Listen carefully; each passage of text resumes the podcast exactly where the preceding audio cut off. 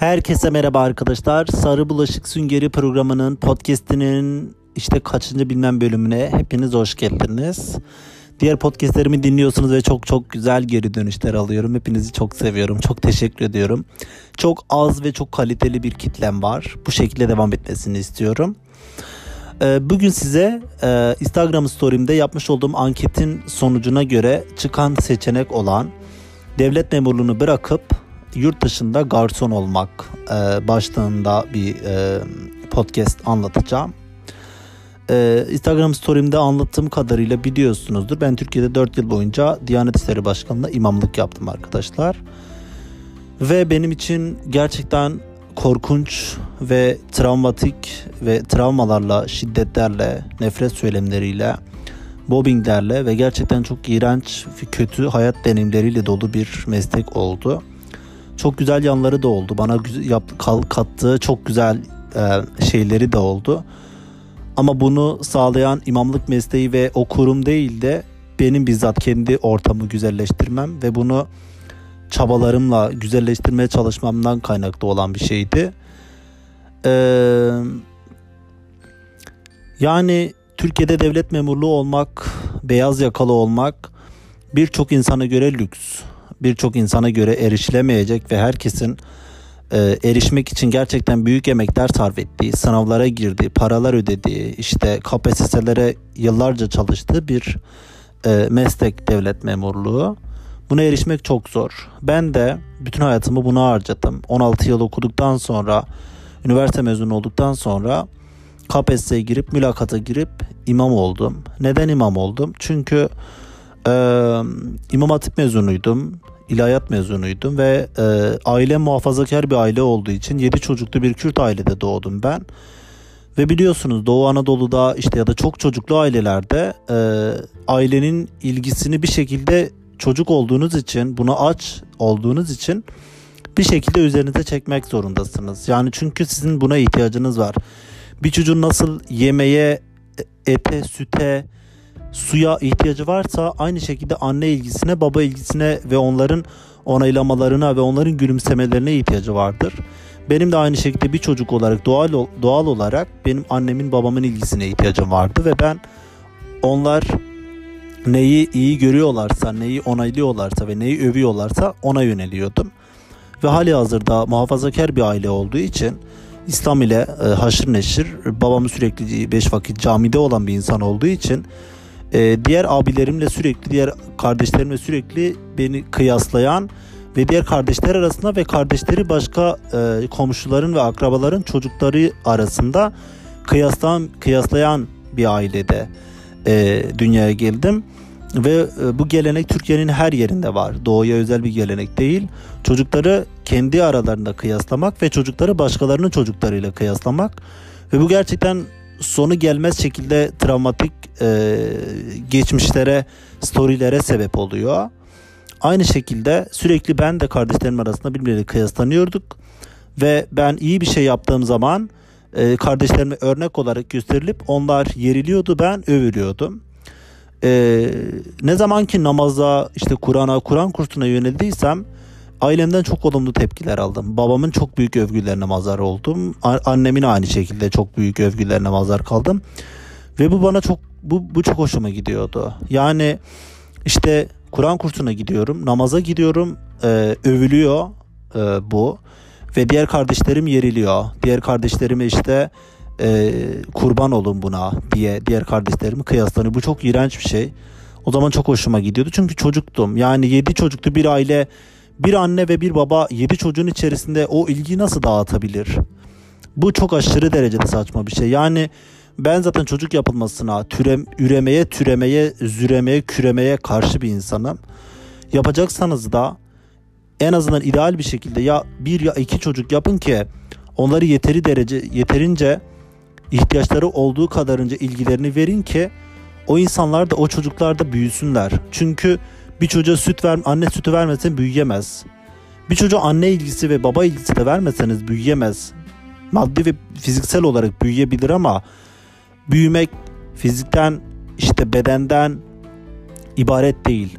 Ruh, ruh diye bir şey var. Ve her şeyin e, ana maddesi, her şeyin temeli, bir insanın ana gıdası ruh. Yetişmiyor anladınız mı? O yeterince ilgi vermediğiniz zaman. E, dolayısıyla 7 çocuklu bir ailede yapmış yapmış yapmış yapmış yani biz 9 kardeşmişiz. 2 tane kardeşim ölmüş Allah'tan. Yani düşün 7 kardeş kalmış geriye. Ve o 7 kardeş içerisinde o maddi yokluk, o kötü şartlar, o e, ulaşılmaz e, Allah'ın dağ başındaki köy, o kış şartları, e, o zorluklar yetmiyormuş gibi bir de o çocuklara ilgisizlik yani tabii ki de anne her çocuğunu eşit derecede sever. Tabii ki de baba sever ama yetmiyor bu anladınız mı? Sevgi yetmiyor bir yere kadar. Sizin onlarla ilgilenmeniz gerekiyor. Onların ihtiyaçlarını karşılamanız gerekiyor. Karşılayamıyorsanız eksik kalıyor. Anladınız mı? Bir şeyler hep eksik kalıyor ve biz hep eksik büyüdük. Hep eksik büyüdük. Maddiyat yok, eğlence yok, çizgi film yok, oyuncak yok. Yok abi yani anladınız mı? Çocuklara bakıyorum ben yani benim zamanında yetişen çocuklara bakıyorum. Şimdiki zamanın çocuklarına bakıyorum. Yani aileleri hayatları bu çocuklara adıyorlar ki böyle de olması gerekiyor. Çünkü o çok büyük bir sorumluluk. Eğer yapamayacaksan doğurma. O çocuğu yetiştiremeyeceksen doğurma kardeşim. Ben istemedim beni doğurmanı. Beni doğurmasaydın. Bu senin problemin. Beni hiç ilgilendirmez. Bana çok büyük bir minnetmiş gibi sürekli bana ca- caka satmana gerek yok yani. Başıma vurmana gerek yok. Sen yaptın bunu. Yaptıysan bak bu kadar. Ama olmuyor anladınız mı? Yapmıyorlar, yapamıyorlar. Bilinçsizlik, cahillik, işte ne derseniz deyin. Ortada bir gerçek var. Biz eksik büyüdük arkadaşlar. Eksik büyüdüm ben. Her neyse işte arkadaşlar işte bu e, muhafazakarlık e, ailenin sürekli böyle e, onaylaması e, Pablo'nun köpeği gibi ödül ve ceza gibi e, bir psikolojiye büründüm ve e, kendimi işte Kur'an kursuna camiye adadım. Her Kur'an kursuna gittiğimde aldığım ödüller. İşte Kur'an'ı öğrenme, öğrenmeye başladım. Çok çabuk Kur'an öğrendim işte. Ondan sonra hatmetmeye başladım. İşte camide müezzinlik yapıyorum. Cart curt cami temizliyoruz arkadaşımızla beraber. Ama içimde de hep çok aşırı derecede eğlenmeyi seven çok aykırı bir ruh var. Arkadaşımla işte köyün başka yerlerine gidip böyle çok böyle aykırı şeyler yapıyoruz, eğleniyoruz.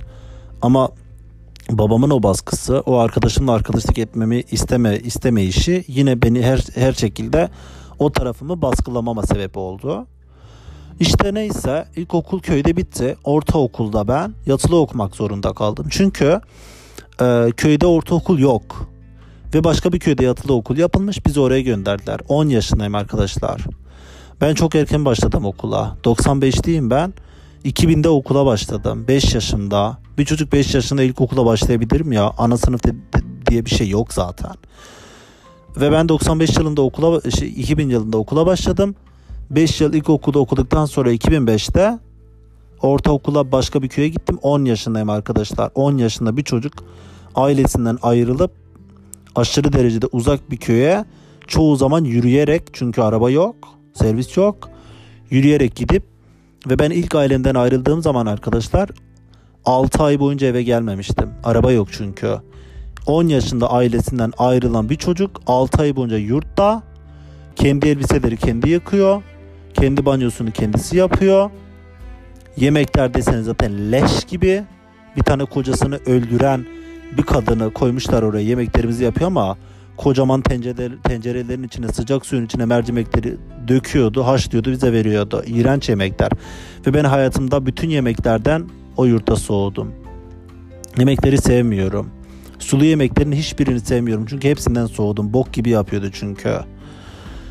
3 yılım o yurtta geçti arkadaşlar. Ama yüreğimde ve içimde onarılmaz derecede yaralar, onarılmaz derecede eksiklikler, travmalar ve o anne özlemi onun yerini 10 defa dünyaya gelsem asla doldurmayacak. Çünkü bir defa yaşıyoruz biz. 3 yıl boyunca o Allah'ın belası yurtta. Küçük çocuktum ya ben çocuk. Size yemin ediyorum böyle şeye gidiyordum tamam mı? 10 yaşında 11 yaşındayım. Geceleri yatağımıza, yatağıma giriyorum. Annemi özlediğim için gizli gizli böyle yorganın altında ağlıyorum. sabah kalkıp böyle devam ediyorum. Yani e, aşırı derecede acımasızca, aşırı derecede adaletsizce geliyor. Ama bu hani ailede tek okuyan benim. Diğer kardeşlerim okuyorlar, okumak istemiyorlar. Zorlanıyor, zorlanıyorlar babam tarafından okumuyorlar ama ben nasıl okumayı seviyorum. Deli gibi aşığım okumaya. Okula gitmeyi ben zorla. Hani gideceğim, gideceğim buraya diye. İnatlaşım yani iste, istiyorum, okumak istiyorum. Okuma aşkı vardı içimde. Ee, ortaokul bittikten sonra e, ilçeye gittik. Ve ben tabii sınava girdim arkadaşlar. O zaman ne vardı ya? SBS vardı galiba. E, ders yok zaten temelim olmadığı için ortaokulda da okey çalışıyorum falan ama ne kadar anlayabiliyorum o da orası zaten meçhul. E, yine de ben çalışıyorum böyle. SBS'ye girdim. Yeteri puan almıştım ama e, e, köydeyim yazın. Tercihlerine tercihten bir şeyden hiç haberim bile yok. Ben kaçırmışım zaten tercih falan yapmamışım. Okul okul mevsimi açıldı. Babamla ilçeye gittik. Babam elimden tuttu. Sokakta okul arıyoruz. Elimde tuttu beni bir akrabanın bakkalın önüne götürdü. Dedik ki işte çocuğu okula kaçacağız nereye götürsek acaba falan dedi. O dedi ki şu anda o da dedi ki şu aşağıda köprünün orada bir tane imam hatip var dedi. Bir de oraya götürün dedi. Tabi babamın canına minnet. Olay bir derecede güzel bir şey onun için. Beni götürdü İmam Hatip'e arkadaşlar. Gittik İmam Hatip'e. Müdür, müdür yardımcısı bize dedi ki yer yok dedi. Bu çocuk diploma puanı, diploma puanı çok iyi. SBS puanı da çok iyi. Ama tercih yapmadığı için bizim e, pansiyonumuzda da zaten yatılı okulu da vardı İmam Hatip'in. Yer yok. Bizi geri gönderdiler. Ah o geri gönderiş bir daha geri dönmeseydi. Ah ah. Neyse arkadaşlar beni tekrar biz çıktık okuldan köprünün üstüne geldik arada müdür yardımcısı babama. İşte ben bir yer ayarlayabilirim gelin diye. Keşke aramasaydı. Keşke telefonu kırılsaydı. Keşke o köprüden düşseydik de aramasaydı gerçekten. Neyse biz tabii aşırı derece sevindik. Gittik. Dedik ki tamam ben onu Ana, Anadolu bölümüne kaydedeceğim. Çünkü çok zeki bir çocuk falan filan küründen. Ve beni e, şeye yazdırdı. Anadolu bölümüne yazıldı ve liseye başladım orada. Orası orada da yatılı. Babam beni orada bıraktı gitti. Umurunda bile değil. 10 lira verdi bana o zaman. Çok iyi hatırlıyorum arkadaşlar. 10 lira.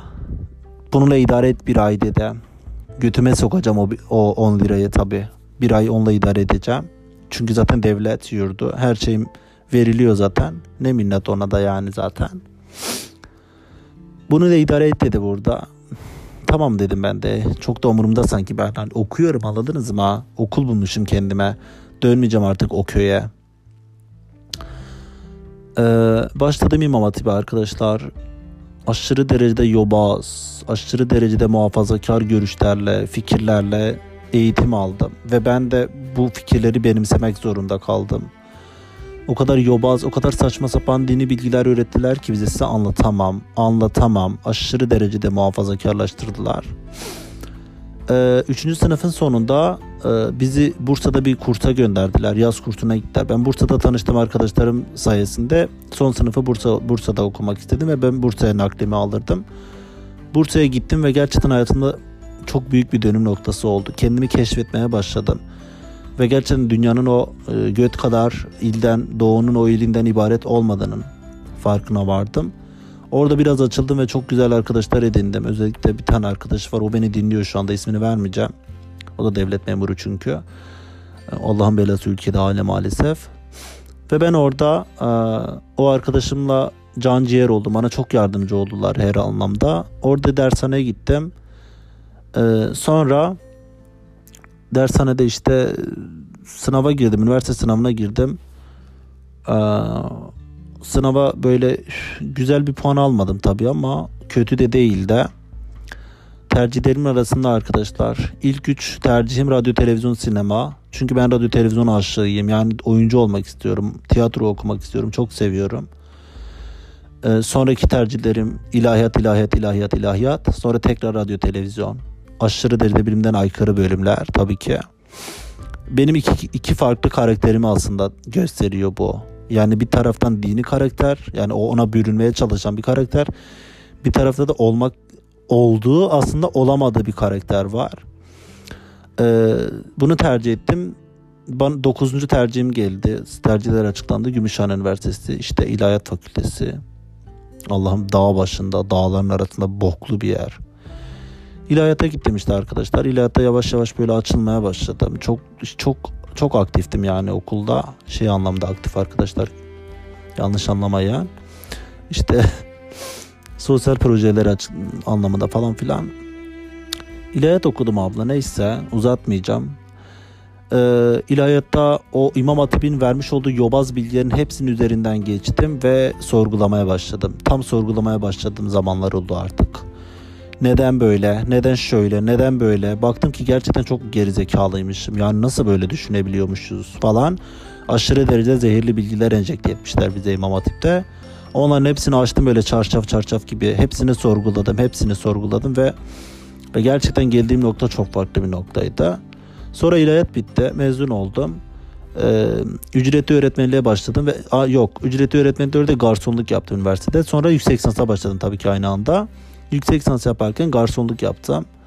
Sonra ikinci dönem ücretli öğretmenlik için başvurmuştum. Beni çağırdılar. Fen Lisesi'ne gittim arkadaşlar. Öğretmenlik yaptım. Ücretli Fen Lisesi'nde din kültürü öğretmenliği yaptım. İlk öğretmenlik deneyimiydi. Çok güzeldi. Çok eğleniyordum öğrencilerle. Öğrenciler beni çok seviyordu. Ama boklu idareyle başım dertteydi. Çünkü derse story çekiyormuşum. Öğrencilerle çok uğraşıyormuşum. Öğrencileri çok meşgul ediyormuşum. Ne, neymiş? At yarışı gibi öğrencileri koymuşlardı şeye. O boklu sınava işte bizim okulumuz birinci gelsin. Bu kadar tıp verelim. Bu kadar eczacı verelim. Bu kadar bok verelim. Cart verelim. Curt verelim diye çocukları at yarışı gibi sokmuşlar yarışa. Ne sosyal aktivite var ne bir şey var. Ben tabii her her hafta çocuklarla bir piknik, bir işte akşam yemeği, bir futbol maçı. Her sınıfla ayrı bir aktivite yapıyorum. Diğer boomer hocalar tabii bunu çekemiyorlar. Müdüre söylüyorlar falan. Orada bile müdürle madilendik ve ben dedim ki ben asla öğretmenlik yapmak istemiyorum dedim. Çünkü ben uğraşamam idareyle. Ben asla kısıtlamaya gelemeyen bir insanım. İdareyle beni idare etmeye çalışan insanlardan nefret ediyorum.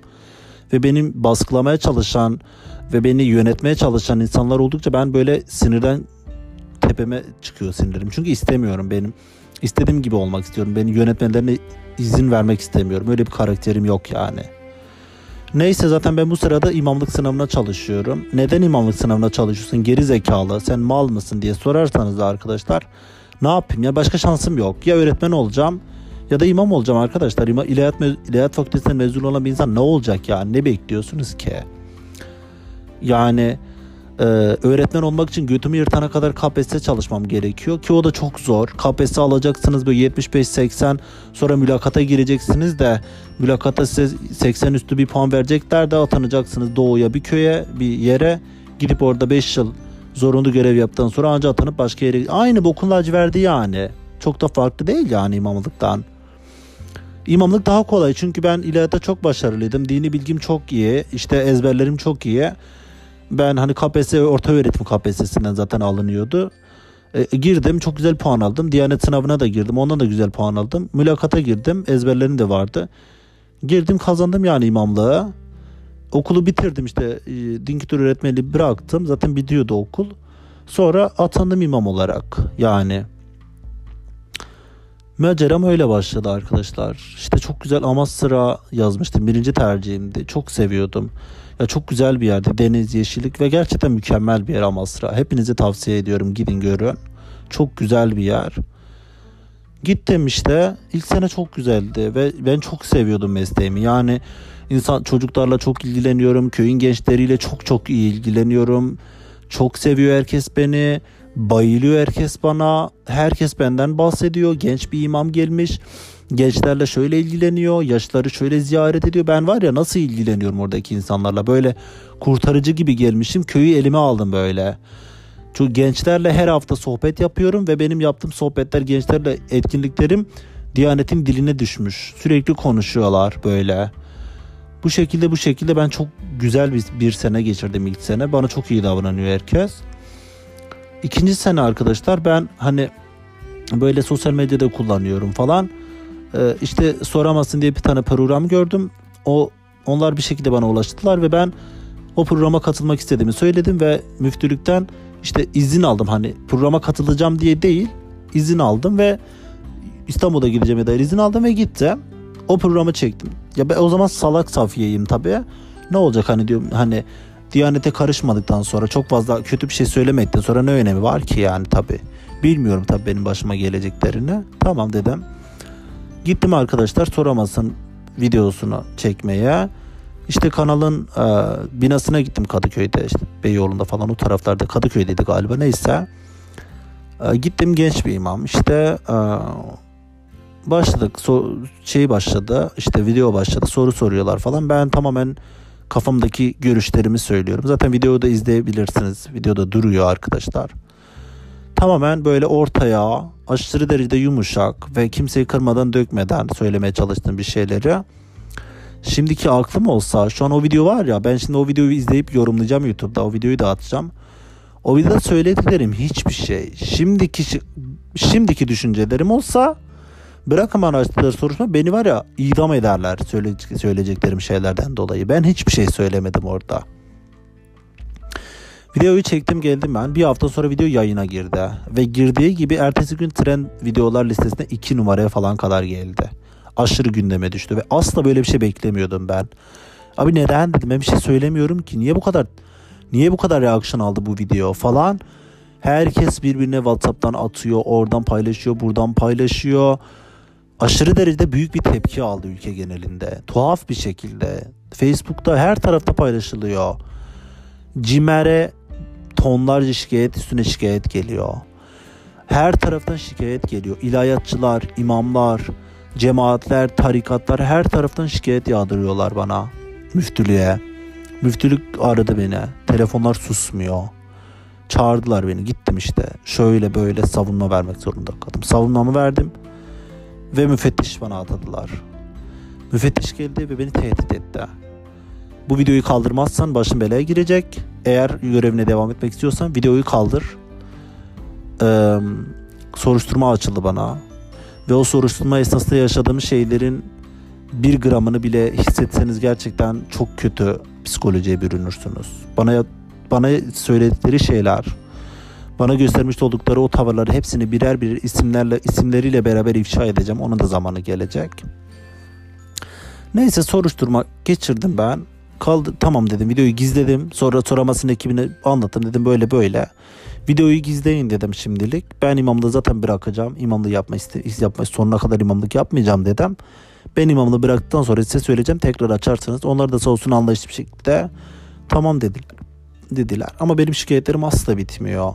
Tabi ben hani bu videodan sonra Instagram'da takipçilerim de arttı, popülaritem de arttı. Herkes arıyor soruyor falan.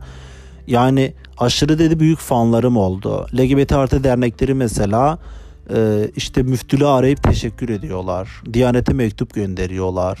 Bu çok kötü oldu. Çok güzel bir şey ama Diyaneti kışkırtan şey bu oldu. Çünkü LGBT dernekleri onlara mektup gönderiyorlar. Bu nefret ediyorlar LGBT'den zaten. Aşırı derecede homofobik, boklu bir kurum olduğu için nefret ediyor. Ee, ondan sonra CHP'li belediyeler, hmm, CHP'li dernekler, Atatürkçü dernekler mesaj yazıyorlar. Kışkırttılar yani aşırı derecede kıskandılar. Yani asla bizim böyle bir ideolojimiz yok gibisinden. Bana şey diyorlar müftülükten soruşturma yapan müfettiş. Seni neden bu, bu insanlar seni neden koruyorlar? LGBT dernekleri neden senin arkanda? Sen kimsin? Gibi sorular soruyorlar bana. Aşırı derecede komik ve o zamanlar benim için travmatik tabii ki de. Böyle aptal saptal sorular hepsini anlatacağım. O ay çok ayrı bir süreç. Hepsini birer birer anlatacağım size arkadaşlar. Şikayet üstüne şikayet, mobbing üzerine baskı üzerine baskı, şiddet, ölüm tehditleri, tarikatlardan, tarikat liderlerinden gelen mesajlar benim psikolojimi böyle itin götüne soktu. Bıktım ve sosyal medya hesaplarımı her şeyi her şeyi kapattım. Telefonumda sadece WhatsApp ve WhatsApp'tan da herkesi engellemişim zaten. Sadece kurum gruplarındayım. Bir yıl boyunca stresten her tarafımda sivilce çıktı. Sinirden, stresten ve üzüntüden. Psikolojik bunalıma girdim bir yıl boyunca. Evden camiye, camiden eve gidip geliyorum. Köylülerle aram açıldı. Hiç muhatap olmuyorum seviye mesafe girdi araya falan. Bir yıl inzivadan sonra ben böyle anonim hesaplarla sosyal medya tekrar kullanmaya başladım ve Ee, burun ameliyatı oldum. Burun ameliyatı olduktan sonra beni kimse tanıyamadı gerçek halimi tabii ki.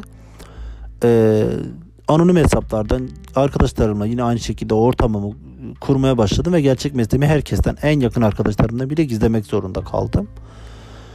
Sonra baktım olmuyor bu ülkede, yaşanmıyor. Çünkü dedim ki ben yaşayamıyorum burada.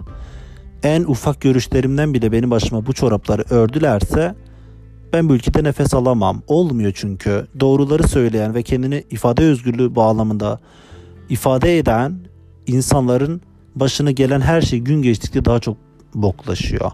Gün geçtikçe ülkede nefes almak daha da zorlaşıyor. Bunun farkına varıyorsunuz. Sosyal medya her taraftan. Her taraftan gelen o aptal saptal hareketler işte saçma sapan şeyler bıktırıyor insan anlıyor musunuz? Ve sen devlet memurusun. Hiçbir şey yapamıyorsun. Videoya çıkamazsın, fotoğraf çekemezsin, hiçbir röportaja katılamazsın. Sokakta birisi rastgele video çekerse ona çıkarsan suçlanırsın, soruşturma açılır. Osurursan soruşturma açılır, sıçarsan soruşturma açılır, gülersen kahkaha atarsan, şöyle giyinirsen böyle giyinirsen. Ve zaten imamlık aşırı derecede ağır bir meslek ve ben 24-25 yaşında bir gencim. Hayatımı yaşamayan, çocukluğumu yaşamayan ve daha yeni yeni yeni yaşamaya başlayan bir gencim yani. O ağır, aşırı derece toplumsal büyük bir ağırlığı taşıyan bir meslek benim üzerime zaten aslında oturmuyor ve benim ona göre davranmamı bekliyorlar benden. Olmuyor yani her taraftan. Benim için işkence, işkence.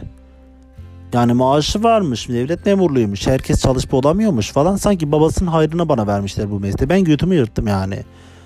Alt tarafı bir imamlık yani. Bu kadar bu kadar anlam yüklemelerini asla anlamıyorum zaten hiçbir zaman.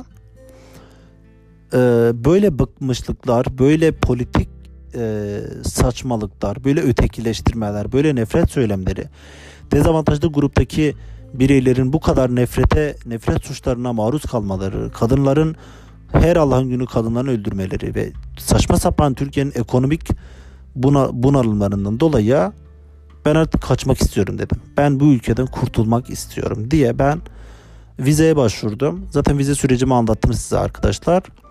Çıktı buraya geldim. Ve bugün tam podcast'e denk geldi arkadaşlar. Bugün e, CV'mi çıkardım böyle İngilizce CV yazdım dün dün gece. Bugün 10 dakika içerisinde dersten çıktım okuldan çıktım gittim. 10 tane ayrı restoranda CV'mi dağıttım. E, restoran diyorum işte şey bar. Gece barları. O CV'mi dağıttım ve geldim tam oturdum arkadaşlarımla bir bara. Beni aradı hemen bir bar.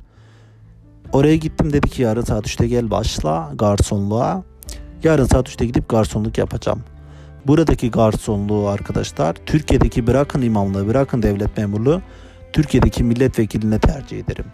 O aptal saptal politik bunalım ve politik böyle ha, hengame içindeki milyonlarca liralık mesleği buradaki rahat bir şekilde kafamın rahat olabileceğim, mutlu olabileceğim, kendim olabileceğim, canımın istediği gibi davranabileceğim bir mesleği tabii ki de tercih ederim yani. O yüzden e, bazı arkadaşlarıma bazı işte akrabama sen devlet memurluğu gibi mesleği bırakıp gidip orada garson oldun. Artık hiç umurumda bile. Burada bok temizlerim. Tuvalet temizlerim, bulaşıkçılık yaparım, yerleri süpürürüm, çöpçülük yaparım. Umurumda bile değil. Umurumda bile değil. Türkiye'de milletvekili bile olmam. İstemiyorum. Ben istemiyorum o aptal saptal kalıpları. Gözüm parada da değil. Buradaki garsonluktan kazandığım parayla Dört tane imam maaşı alırım ben. Siz hiç merak etmeyin. Ee, istemiyorum yani. Alın size memurluğunda imamlık da sizin olsun, memurluk da sizin olsun, politiklikte her şey her şey sizin olsun. Ben yaşamak istiyorum sadece. Ben sadece canımın istediği gibi gerçekten keyfimin istediği gibi yaşayıp o şekilde hayatıma devam etmek istiyorum. Bu dünyaya bir defa geldim ve bu yaşlara bir de bir defa geleceğim bu yaşlara. Bu yaşlar bana bir daha verilmeyecek. Hayatımın en güzel yıllarındayım. Ve ben bu yola başvururken şöyle dedim. Ben dedim hayatımın en güzel yıllarına, hayatımın en canlı, en genç, en yakışıklı, en güzel, ciddimin en güzel göründüğü dönemlerini böyle saçma sapan, böyle aptal saptal şeyler için kendimi yorup geçirmek istemiyorum. Çünkü bana bu yaş, bu gençlik bir daha verilmeyecek. Doya doya yaşamak istiyorum. Böyle 50-60 yaşına geldiğim zaman evin böyle alt katında koltuğa uzanıp böyle düşündüğüm zaman şunu demek istiyorum. Ya gerçekten yaşadım ben ya. İyi ki yaşadım. Bir de olsa bir de yaşarım demek istiyorum. Şunu demek istemiyorum. Keşke yapsaydım. Keşke bunu yapsaydım. Niye yapmadım ki? Bunu demek istemiyorum gerçekten. Neyse arkadaşlar bu kadardı. Yani devlet memurluğu gibi bir şey de çok daha böyle büyüttüğünüz gibi bir şey değil. Tamamen işkence. Hele ki bizim gibi genç nesil, bizim gibi onların kalıplarına uymayan, bizim gibi o aptal saptal cinsiyet kalıplarına uymayan insanlar için bir işkence.